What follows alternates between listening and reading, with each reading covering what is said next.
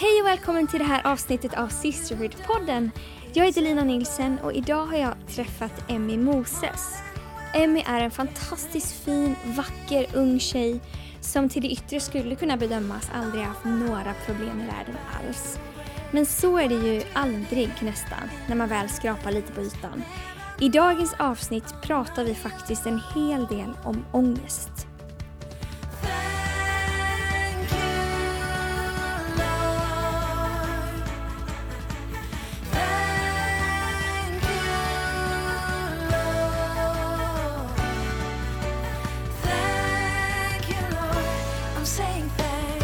Idag har jag fått besök av Emmy Moses på Sisterhood-podden. Välkommen eh, till podden, Emmy. Tack Lina. Eh, vad är ditt fullständiga namn? Emmy Moses. Jag Det, du har inget Ja. mellannamn eller så, Nej, som man skäms inte. för? Nej, blev inte så välsignad. Något sånt tantnamn? Nej. Eh, var drog du ditt första andetag? Eh, I Tel Aviv, i Israel, ett sjukhus som heter Tel Hashomer. Va? ja, Okej. Tel Hashomer. Okej. ah, vad coolt. Eh, hur länge bodde du där sen? Eller bo- har du vuxit upp i Israel? Eh, Ja, det har jag. Eh, jag har vuxit upp i en stad som heter Herzliya. Så det är en förstad till Tel Aviv. Eh, så jag har bott där i nästan 15 år. Så, ja. Vilket språk pratade du då? Eh, hebreiska. Och läste det och allting Ja. sånt? jag gick nio år i skolan så jag kunde skriva och läsa. Hur tyckte du det var att lära sig svenska sen? Alltså, ja, jag kunde inte läsa och skriva så bra när jag kom hit. Men jag lärde mig all typ svenska från så här, något underlägg som jag hade med alla bokstäver. Just det, sånt Så där plastunderlägg Ja, typ. Ja. Så jag hade A som var en ritning på en apa och sen B, båt. eh. Så det var typ så jag lärde mig att skriva och läsa. För det är helt andra bokstäver. Ja, men jag kunde ändå svenska innan för mamma är svensk. Ja, ah, okej. så du... Så det var inte så helt nytt. Men, Men du, eh, vad är din favoritfrukost? Eh, allt som innehåller socker. Om det går. alltså, ja, om jag kunde äta en pannkaka varje dag utan att se ut som en pannkaka skulle jag göra det. Eh, men, ja, typ O'boy. Jag har inte kommit till kaffefasen än i livet, men ja. Om jag kunde äta socker hela tiden skulle jag nog göra det. Eh, så om du ska unna dig själv någonting, vad gör du då?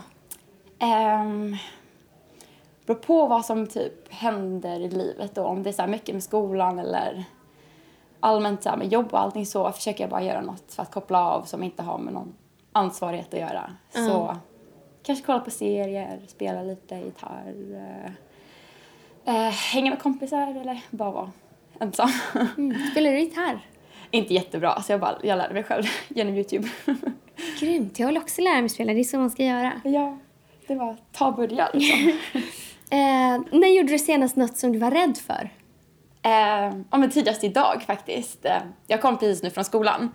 Så vi hade en debatt och jag var tvungen att stå och prata framför massa människor som jag inte gillar så mycket att göra. Eh, så det var verkligen en utmaning men det gick ändå bra. Jag hade mina argument, eh, kom förberedd men det är ändå lite läskigt Ja. att stå. Jag har hört att det är en, jag vet inte så vad statistiken är, men många är mer rädda för att tala inför folk än för döden. Är det så? Aha. Att det är liksom det men det är värsta, det är, nummer ett på listan, det värsta som Ja, finns. usch, men det är ju verkligen läskigt. Men det gick ändå bra. Alltså, människor är klappade, de är supportive. Så Ja. ja. Vad, vad pluggar du för någonting? Eh, jag pluggar internationella relationer på Stockholms universitet. Ehm, så det är jätteintressant. Det handlar om så här, ja, men samarbete mellan länder eller hur relationer mellan länder kan se ut. Eh, det kan vara allt om politik, ehm, ekonomi, säkerhet. Eh, så ja, det är väldigt, väldigt intressant. Ja. Fy vad intressant. Mm. Eh, har du något drömresemål? Mm, ja, faktiskt. Jag skulle vilja åka till Kenya. För jag har varit tidigare i Senegal. Eh, och jag så här lite, jag ville se safarin med massa djur för jag, jag vet inte, det känns som the, the African dream att åka och så här, se massa lejon och zebror och sånt. Eh, men vi såg aldrig några djur och så här, vi åkte ut lite och jag frågade vår guide och han bara nej, alltså, vi har inga djur, vi jagar alla. så, så jag frågade var jag skulle åka någonstans för att typ se ja, naturen och eh, ja, safarin. Han bara, ja, men åk till Kenya. Så jag har haft det lite som ett så här, mål att ta mig dit någon dag. Eh, hur ser din familj ut? Ehm, jag har en storasyster som är 22 år och en lillebror som är 15. Och längre än mig tyvärr. och ja, två föräldrar, mamma och pappa. Hur kommer det sig att du flyttade till eh, Sverige? Ja, eh, mina föräldrar har ändå haft det på hjärtat väldigt många år att vara i Sverige, att de skulle vara i Sverige här en period. Ehm, Och din mamma är svensk? ja, precis. Så jag har ändå så här uppvuxit med tanken att jag skulle flytta hit någon dag. Så det var inget så här någonting som kom out of the blue. Jag visste liksom hela mitt liv att någon, någon dag kommer jag vara i Sverige. Ehm, så ja. Men hur var det att växa upp i Israel då? Det var bra. Ehm, jag får liksom frågan om om du växte upp i Israel, det var, lite, var inte det osäkert, var det inte farligt? Ehm, men jag har aldrig känt mig otrygg på något sätt för man vet liksom hur man ska göra i vissa situationer. Ehm, Man lär sig det i skolan och ehm, men annars har jag haft en vanlig barndom. Jag brukade simma mycket förut, eh, gick i skolan, hängde med kompisar. Så det var liksom vanligt. Men då är du judinna. Mm, precis. Säger man så? Ja. Ja. eh, vad, liksom, hur stor del av, av religionen så här, påverkar en vanlig judes liv? Det Som beror på- judendomen, förstår du vad jag menar? Ja, precis. Alltså, mm, det beror på om man är religiös alltså, eller om man är sekulär. För det är typ en stor division i Israel, att många är sekulära och många är eh, religiösa. Det finns inte någonting riktigt mittemellan. Ehm, så om du är religiös så följer du en massa lagar och regler. Och om du är sekulär så är inte Gud så stor del av ditt liv du firar ju högtiderna och sånt men det är inte, det är bara för traditionen. Ehm, Hur var det i den staden där du växte upp? ja, många av mina kompisar är sekulära. Många säger att ja, de är ateister nu. Men så jag kunde inte riktigt prata om Gud med mina kompisar. Det var lite någonting som jag fick ja, göra själv med min Ja. familj. Ehm, så det är inte många som är um, messianska judar. Som, eller jo, det finns ju olika grupper överallt i Israel men inte just där jag växte upp. Så om man inte vet vad en messiansk jude är, vad är det för Ja, något? eh, det är judar som tror på både gamla och nya testamentet. Det är judar som tror på Jesus som den judiska frälsaren. Så man sitter inte liksom och väntar på att han kommer komma, eh, att Messias ska komma som man, många väntar på nu. Vi tror ju att han kom ju för 2000 år sedan och eh, han är vår frälsare. Så det är ungefär som mig fast du är judinna? Ja, precis. Det finns ingen Ja. riktigt stor skillnad. Det är Ja. bara att jag kanske inte säger att jag är kristen, jag säger att jag är frälst. Mm, Men, just det. Ja. Coolt, men nu, nu avbröt jag dig när du berättade hur det kom sig att du eh, skulle flytta till Sverige. Ehm, ja, jag flyttade hit när jag var 14, skulle fylla 15. Jag skulle flytta på sommaren och eh, då kom jag hit och det liksom... Jag har alltid varit här i Sverige varje sommar innan. Så det var inte liksom något nytt. Jag var, jag var ju van med att vara här. Men det blev ändå annorlunda för nu skulle jag bli en del av samhället och inte bara en liten bystander från sidan om. Så det var ändå en stor skillnad att typ lära sig om hur svenska systemet funkar med typ skolan, hitta vänner. Det var inte riktigt lätt. ehm. Vilken klass började du i? Jag började gymnasiet, så jag började ettan. Ja. Men va? Hur gammal var du? Jag var 14. Men varför började du gymnasiet? Jag skulle fylla 15 i oktober, men i Israel börjar man skolan när man är sex. ah. Och jag började när jag var fem, skulle fylla sex. Så, ja. Så jag började, ja. Tidigare. 14. Ja. Tidigare. Men kommer du ihåg din första skoldag? Ja, usch, den var sämst. Men jag var ju så nervös. Jag, eh, jag ville liksom inte riktigt gå. Jag gick med min syrra, för hon, vi pluggade i samma skola då. Och eh, då har hon redan gått ett år tidigare. Så hon visste så här, hur man hittade dit och så här hur skolan såg ut och hon skulle stödja mig lite. Så hon hade flyttat hit tidigare? Ja, hon bodde i Sverige ett och ett halvt år tidigare. Innan, ja, innan jag kom i alla fall. Ehm, så hon var liksom där som ett stöd. Men sen skulle hon lämna och sen var jag ensam och var en massa främlingar och jag kände mig lite så här osäker. eh, hur jag skulle bete mig, vad jag skulle säga. Så jag var bara ändå tyst och ja, men första dagen är alltid så här jättestel. Ingen vågar liksom inte prata med någon. Nej. Man ska spela lite så här cool. Vad gick du för program? Eller? Eh, sambistånd. Så det var, bara, alltså det var min skola bara som hade biståndprogrammet. Men det är lite organisationsarbete och eh, det är de programmet vi faktiskt åkte till Senegal. För, Ah. ja, för vi samarbetade med en organisation som jobbar där. Så vi skulle åka och se byar och se ja, hur organisationen jobbar. Så det var jättekul. Hur trivdes du i skolan sen då? Mm. Blev det bättre någon gång? Ja, det blir bättre. Det tar ju lite tid att här, värma upp sig till alla. Men vi var ändå väldigt få i klassen. Vi var typ tio elever skulle jag säga. Ehm, så man hittade ändå snabbt sin grupp som man hängde med. Ehm, typ två tjejer hängde. Men ja, men det var ju bra. Högst, eller gymnasiet var ju... Det gick jättesnabbt. Men det var kul. Jag kommer ihåg när jag, alltså min värsta tid var när jag gick högstadiet. Eller det var inte fruktansvärd men när man ska så här, det, jag njöt inte av att gå åttan, nian och så här. Hur var det för dig? Alltså, åh hjälp. Jag hade min korta emo-face i åttan. Det var verkligen... Allt, man har no, alltid någon så här face i högstadiet som man ångrar lite. Ja, Men ja, högstadietiden, den var... Den var både bra och dålig skulle jag vilja säga. Det var då jag började utveckla... Eller en jobbig period i mitt liv började. Eh, men jag började få ångest eh, över allt. Men jag tror att det började för att jag, bo, jag bodde ändå i en liten stad. Så jag kände liksom hela min klass när jag började högstadiet. Men det var ändå en hel ny skola och eh, man kände sig ändå så här, ah, okej men nu är jag vuxen så nu ska jag testa nytt mode, jag ska hänga med nya kompisar, eh, prata kanske coolare, bete mig lite mer vuxet. Men jag hade ändå den där tanken av att människor hade en viss bild på mig som jag var tvungen att så här, hålla. Så medan alla typ ja, men, utvecklades och blomstrade så var jag mer, ja, men jag var lite fast. Och det var liksom där jag började jämföra mig själv och, eh, och överanalysera allt jag gjorde och kände bara att det var jobbigt att vara i stora sociala sammanhang. kunde du prata med någon om det? Eller hade du det mycket på insidan?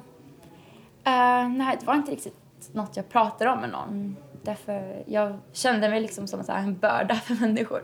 Så jag ville inte vara ännu mer en börda. Um, alltså, min bästa kompis Israel, hon hade också ångest. Men det var lite någonting som vi skämtade åt. Det var inget vi pratade om så seriöst. För man gjorde inte det i den åldern. Jag tror inte att jag förstod heller så mycket vad det så innebar. Så jag brukar bara skratta åt hur stela och awkward vi var och eh, hur vi suger på allt och man trodde att man var så rolig. Och, men nej, det var inte riktigt något jag delade med någon. Ja, men hur tog det sig uttryck då? Mer än att du grubblade och... Eh, jag kunde ändå vara mig själv i vissa stunder. Ehm, skratta och prata men så fort jag skulle säga någonting som kanske lät lite konstigt då skulle jag tänka, men varför sa du det? Vad dum du är. Och då skulle jag bli helt knäpptyst. Så från att vara jätte så här, sprallig och skratta och bara prata jättemycket så kunde jag vara jättetyst och bara låsa in mig själv. Och jag kunde vara med jättemånga människor men ingen skulle, ingen märkte riktigt det. Var det typ som att du var en jättebra skådespelare? Ja, skulle jag säga. Men ja, det var... Man kunde, jag kunde inte riktigt vara mig själv till hundra procent. Hur, hur beskriver man ångest då? Alltså om man inte, hur känns det? Men det känns liksom... För min del var det att jag ville göra mycket. Jag ville säga mycket, jag ville testa mycket men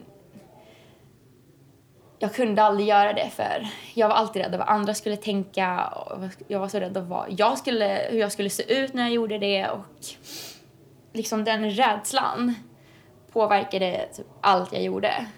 Um, så innan så här, innan skolan började på morgnarna brukade jag alltid typ stressa av hur jag kom, skulle bete mig den dagen och eh, vad jag, om jag skulle säga någonting dumt, om jag skulle bli utfrågad i klassen, skulle jag säga någonting smart, eh, skulle jag vara rolig nog? Eh. Så det påverkar liksom så här alla, områden i mitt liv. Vilket var jobbigt. Hur var det när du kom hit då? Hade du liksom kommit över det eller var du mitt i? Nej, jag tror att det blev ännu värre när jag kom hit. För då hade jag ändå den dåliga självförtroende, dåliga självbilden. Och, och då blev det ännu värre när jag kom hit för då tänkte jag okej, okay, alltså jag kan ju svenska men jag kan inte prata så bra. Jag hade ändå så här gammal stockholmska och kunde inte riktigt de nya slangorden. Mm. Jag kunde inte läsa och skriva så bra och jag, jag kommer ihåg i ettan så blev jag så här, fick jag frågan om jag kunde läsa någonting högt i klassen och jag kunde inte läsa det så bra och jag fick panik och började gråta mitt i klassen och ja, det var det blev ändå värre när jag kom hit. Det blev liksom du är inte en del av det här samhället, du passar inte in, du kan inte språket bra, du har inga vänner och bara sådana tankar som bara gick runt i huvudet 24-7. Vände det någon gång då? Eller hur, hur, hur blev det bättre? Mm.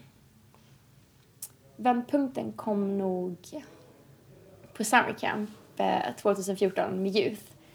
Eh, då har jag ändå varit en del av kyrkan i ett år. Hur hittade du kyrkan? Eh, jag var faktiskt bjuden för typ några år tidigare innan jag flyttade hit av min släkt eh, som har gått i kyrkan länge. Simon, Caroline och Hillefjärd-familjen.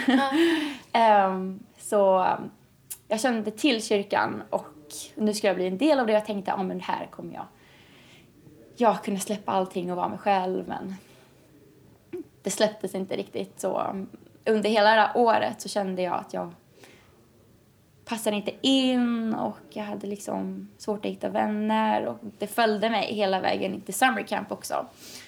Som gjorde att jag låste in mig själv rätt mycket i rummet och så här ville inte hänga med någon men men sen typ någon kvällsmöte så bara kände jag att jag har fått nog och jag ville inte låta min ångest, eh, min dåliga självbild och allt dåligt jag tänkte om mig själv att så här, styra mig längre. Så jag bara beslöt att så här, oh gud, jag lämnar det i dina händer. Ta det här och bara ta det iväg från mig. Så då, min ångest försvann inte då, men min relation till det försvann. Så istället för att här, låta det eh, styra mig så börjar jag styra den. Men det är väldigt modigt att du ändå vågar åka på summer camp. Ja, alltså det kändes lite så jobbigt att åka men jag har försökt i alla fall utmana mig själv att göra det. Jag tänkte vad, vad ska jag göra hemma istället? Det, det kan vara ett kul. Så... Så vad gjorde du efteråt när du liksom hade så här, sagt upp relationen med ångesten? Um, Ja, alltså det, det har ändå påverkat mig rätt mycket så det försvann inte liksom riktigt direkt men eh, jag tror att jag bara såg vissa situationer på ett annat sätt. Alltså till exempel innan youth kunde jag typ låsa in mig själv i toaletten och bara köra en egen peptalk att jag kan gå. Men nu så bara beslöt jag, okej okay, men nu går jag på trappan direkt. Nu tar jag det här steget och eh, jag behöver inte få panik i toaletten innan jag går och jag kan var en stor tjej. um, så det var typ... Du bara gjorde det? Ja, det var lite små så här baby steps jag fick ta. Det kanske inte kändes liksom jättemycket då, men de små stegen har ändå hjälpt mig väldigt mycket att komma så här långt. Så ja, det handlar om baby steps. Ja. Var det någon som så här, såg hur du mådde eller frågade? Ja, eller jag pratade inte om det riktigt med någon. Jag försökte visa ändå att jag var stark och rolig och så här. Jag försökte inte riktigt visa det till någon. Uh, men jag hade en nära ledare som visste om det. Uh, så på connecten, det var där jag kände att jag kunde släppa och bara vara mig själv och berätta hur det egentligen är. Um, så jag hade min connect som visste om det, uh, men annars... Varför vill du inte berätta? Är det liksom att man känner att det är typ ett misslyckande? Att, ja. att det gör det ännu sämre? Ja, precis. Alltså, jag hade alltså tillräckligt med så dålig självbild att jag inte var rolig, inte smart, inte allt bra nog. Så nu skulle jag komma med den här bördan ännu mer. Så, så här, det räcker inte till med att du är redan så stel och awkward och allt som du redan är. Nu ska du komma och berätta att du har ångest också. Så den tanken bara hindrade mig från att så här, öppna upp mig och prata om det här ämnet. Så, så det var liksom det som gjorde att jag inte riktigt ville prata om det med någon. Men sen såklart så ändrade det. Jag blev mer öppen och så här, kunde få förbön och rota mig lite mer in i Bibeln. Har det kommit andra till dig efteråt och sagt så här, när, de, när du har berättat om att du har haft ångest och sagt att de också har haft det eller liksom vågat öppna upp sig för dig på grund av det? Ja, det har han faktiskt. Ehm, Jag tror ändå jag har gått igenom det här för en viss anledning. För att kunna vara ett stöd för andra människor som går igenom samma sak nu. Um, därför då kan jag komma med, med perspektiv över vissa saker och jag kan relatera.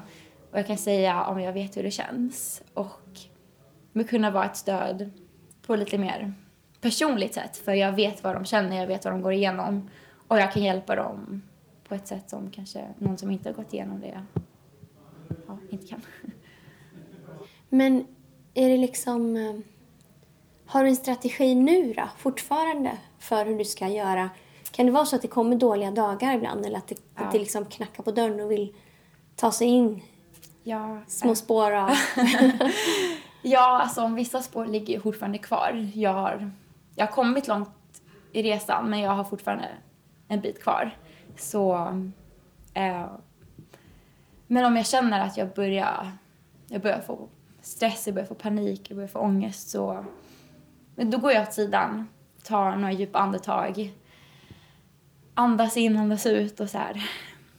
Försöker påminna mig själv ja, men vem jag är, varför jag gör det jag gör. Um, till exempel om jag får typ panik lite innan ljus, då går jag åt sidan och så här, tänker om jag är här för en anledning.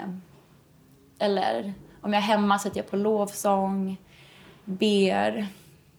Um, och försöker liksom bara move on. Mm, för att det är intressant för ibland kan man tro att så här, ja, man ber eller man typ så här, nu ska det vara över och sen så ska man aldrig mer. Sen är det klart, sen behöver man aldrig mer brottas med det. Ja. Men det är väldigt ofta att man får här, välja och vinna Ja, över det. Ja. Det kanske blir lättare och lättare, men att det är en process liksom. Att, Mm. man, att man måste välja det även senare i livet. Att, Ja. att liksom vinna över, över det. Det viktigaste är att man måste välja att göra det också. För ibland är det så enkelt, i alla fall för min del, ibland kan jag tycka att det är så skönt att bara tycka synd om sig själv ibland. Men man måste ändå välja att så här, nej men, nej jag kommer inte låta det här styra mig. Um, och fortsätta ta baby steps. Det handlar verkligen om de små stegen istället för att ta jättestora steg som kan kännas lite överväldigande. Mm. Vad har kyrkan betytt för dig i det här? Eh, ändå mycket. Alltså när jag väl valde att här, öppna upp mig då kunde jag hitta stöd på ett sätt som jag inte hade innan. Eh, för jag kände mig väldigt ensam i det förut.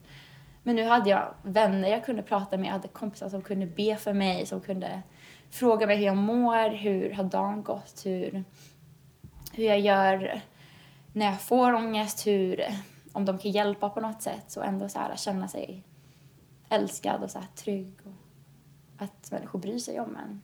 Det betyder hela världen. Vad har Gud betytt för dig då? Ehm, Och din tro under den här resan?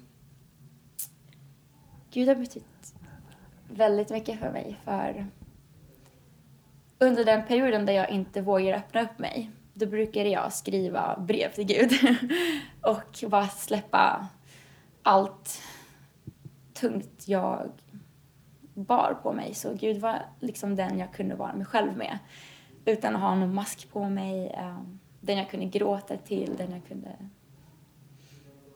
bara... Han var min vän. Han blev liksom min styrka och rock Mm. in allt, hela den här perioden.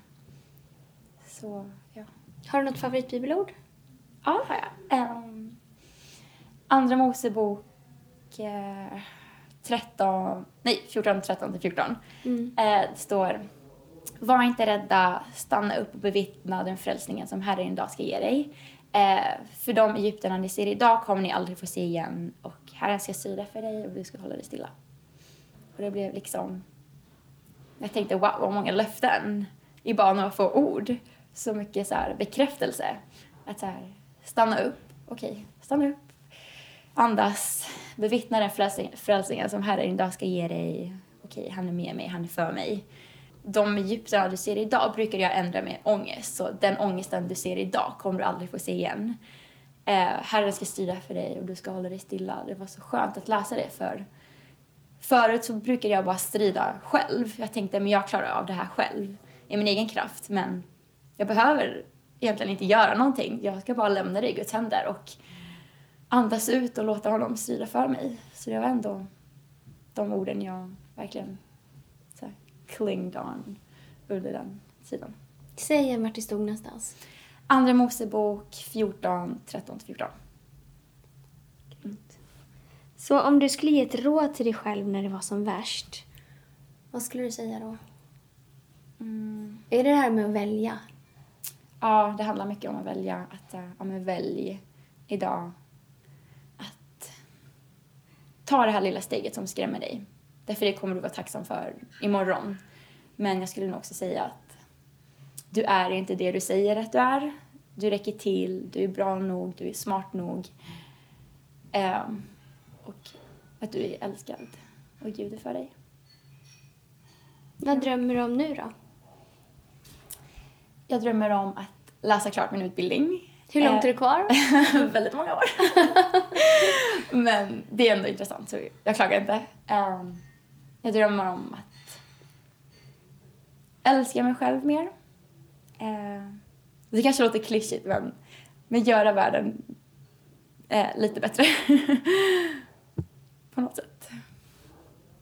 Är du extra bra på att se på hos andra, typ tonåringar och så här, nu, om de mår dåligt eller om de spelar ett spel eller om de är... Ja, ja jag kan ändå se det. Man kan se det väldigt mycket i kroppsspråk och sättet man pratar och hur man beter sig runt andra. Så jag kan ändå ja, men se det i människor och bara fråga men hur mår du på riktigt? Hur, hur är det?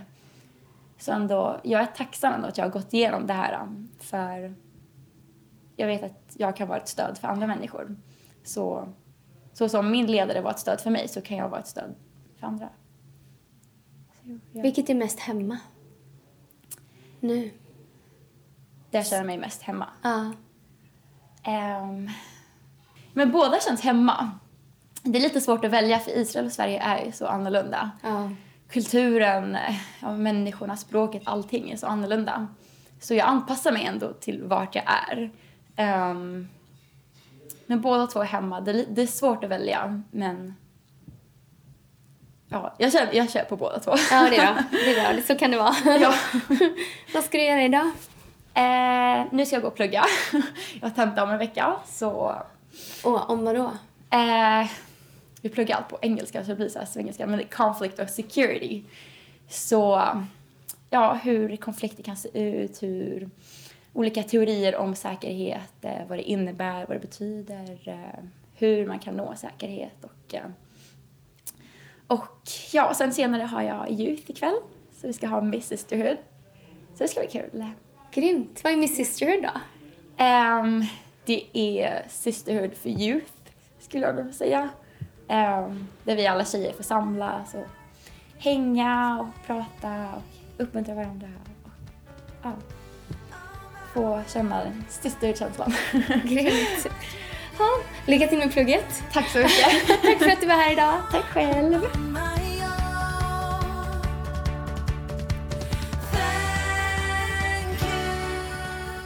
Jag vet att många som lyssnar på det här antingen själva eller känner någon som någon gång har kämpat med något som liknar ångest. Och en sak jag har märkt är att Gud ofta vill ge oss ett ord att stå på i vår säsong och i våra svårigheter. Som till exempel det ordet Emmy fick är från Andra Moseboken kapitel 14, vers 13-14 i Bibeln. Där står Var inte rädda. Stanna upp och bevittna den frälsning som Herren idag ska ge er. Så som ni ser egyptierna idag ska ni aldrig någonsin se dem igen. Det står också i psalm 23 i Bibeln. Herren är min herde, mig skall inget fattas. Eller i psalm 139. Jag tackar dig Gud att jag är så underbart skapad. Eller i psalm 119 och vers 105. Ditt ord är mina fötters lykta och ett ljus på min stig. För din säsong just nu så vill Gud ge dig ett ord. Och ibland är det så enkelt som att bara öppna sin bibel och läsa och se vilka löften som Gud vill ge dig just idag.